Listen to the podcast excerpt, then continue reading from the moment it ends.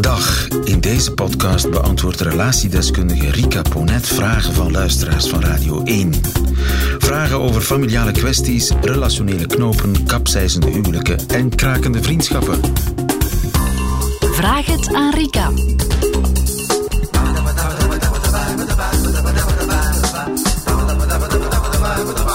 Ik heb post gekregen van Arno, bedoeld voor jou. En Arno is 28 en hij schrijft het volgende.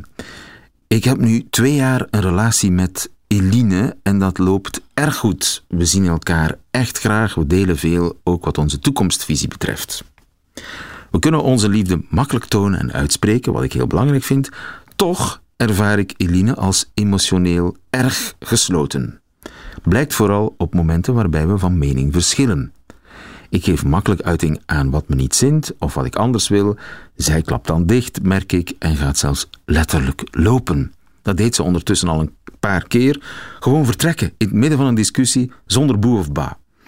Ik kan haar dan ook vaak voor enige tijd niet bereiken, probeer haar dan te bellen om het bij te leggen, maar ze neemt niet op. Ik vind dat erg frustrerend en het stemt me dan ook niet positief voor de toekomst. Nu gaat het over kleine dingen, maar als we verder gaan met elkaar, zullen er zeker ook andere, grotere problemen zijn. Als je dingen dan niet kunt uitpraten, dat werkt toch niet?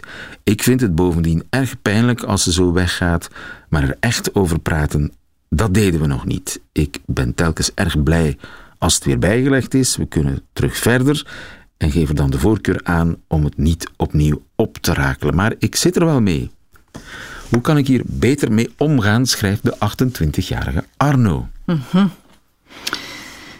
Ik denk dat dat wel herkenbaar is als patroon in eh, relaties als er conflict is. Hè, dat er, Je hebt van die mensen hè, die Ja. dichtklappen. ja, en weg. En weglopen. Ehm, nu, we onderschatten soms wat ehm, voor sommigen hoe dat ervaren wordt, conflict in een relatie. Ik denk dat niemand van ons dat echt aangenaam vindt. Ehm, het is ook iets heel intiem, ruzie maken met je partner, omdat dan ja, het vooral het, eigenlijk vooral het emotionele eh, naar boven komt en speelt. En je ook met niemand ruzie maakt, zoals met een partner, omdat je daar zo dichtbij staat. Ik eh, noem dat vaak een van de meest intieme dingen die je kan doen met iemand. Ruzie maken. Ja, op die- ja dat, dit soort ruzie maken, dat heel intens is. En vaak ervaren mensen dat, die er op deze manier mee omgaan, dat als iets dat bijzonder bedreigend is voor zichzelf, maar ook voor de relatie. En dat heeft veel te maken met de wijze waarop men ja, thuis ervaren heeft dat er met verschil en conflict werd omgegaan. En het gevoel dat dat iets heel destructief is, iets wat je niet kan controleren. Heb je het nu Ehm, over de dichtklappende partij? Over de dichtklappende partij. Ja, die, die een ruzie zodanig bedreigend vindt, of een meningsverschil? ja, het is bijna een- als... Een, ehm, een meningsverschil hoeft geen ruzie te zijn. hoeft nog geen ruzie te zijn, maar als een afwijzing, eh, als een dreiging richting conflict. En ehm, dat is een soort van, eh, dat heeft te maken met een trigger die op dat moment ehm, binnenkomt. Dat is psychologisch. Een vorm van angst die op dat moment de kop opsteekt en waardoor we in een flight, fight, freeze modus gaan. Die, die kennen we allemaal ondertussen een beetje, denk ik. Dat is op het moment dat we echt in levensgevaar zijn, reageren mensen op drie manieren. Ofwel lopen ze weg, eh, ofwel bevriezen ze, ofwel eh, gaan ze het gevecht aan, verdedigen ze zichzelf. In conflict zie je dat heel vaak mensen een van die drie posities innemen. hè. Er zijn mensen die makkelijk in conflict gaan, conflict ook aangaan om een vorm van connectie te ervaren, om te horen en te voelen, dit doet er nog toe, of onze relatie doet er toe. Die dat eigenlijk dan ook doen vanuit een vorm van relatiebescherming. Er zijn er die bevriezen, dat zijn zo degenen die een muur worden, hè, die helemaal dichtklappen en zich in de zetel zetten achter een computer.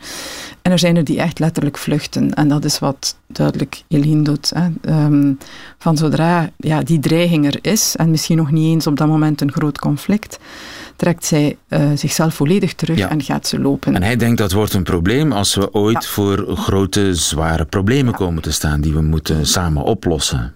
Ja, uh, ook omdat hij daar ook niet zo heel goed mee omgaat. En het is duidelijk dat van zodra zij weggelopen is, dat hij heel hard probeert om haar terug te halen, door dan ja, veel te beginnen bellen.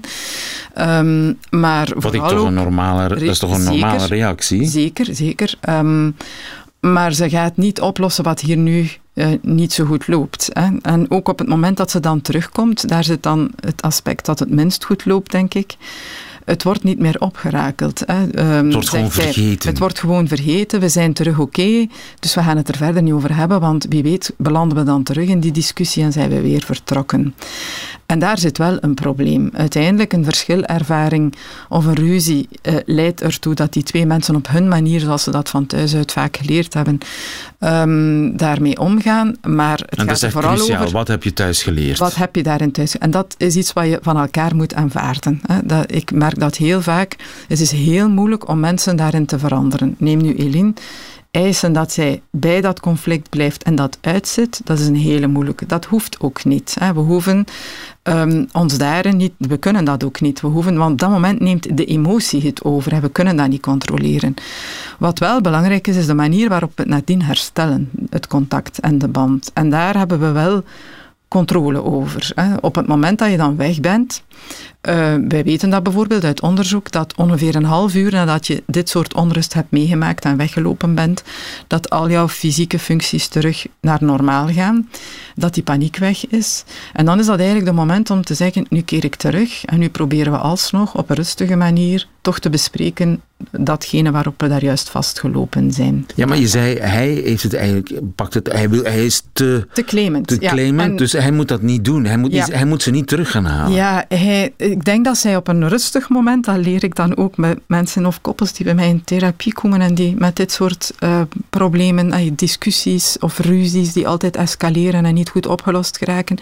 Het gaat erover, we maken daarop uh, momenten dat we uh, rustig zijn en op een, een, een niet-emotionele manier of emotioneel beladen manier met elkaar kunnen praten, kunnen we daar afspraken over maken, over hoe we ruzie maken.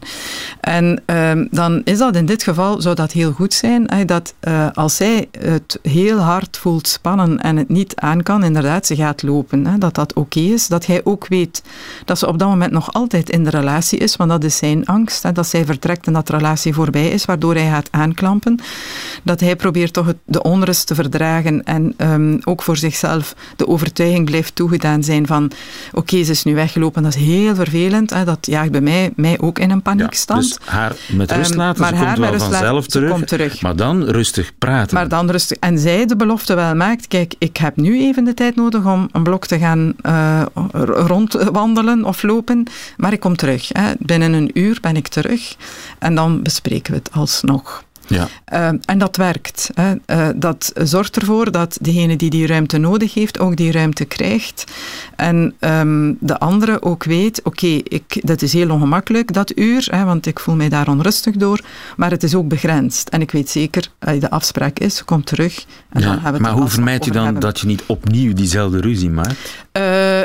dat vergt oefening. He, dat, dat, dat, dat, een beetje afstand nemen. Ja, en dan vanuit een, een andere positie, een beetje vanuit een vogelperspectief te kijken naar het conflict, beseffende hoe belachelijk is dat nu, hè, dat we daarop vastlopen. Um, uh, ja, veel mensen schamen zich zelfs voor dit type van conflicten. Maar daarin zie je altijd weer, het gaat altijd over, krijg ik respect? Word ik gezien in mijn behoeftes? Word ik gezien in mijn verwachtingen binnen deze relatie?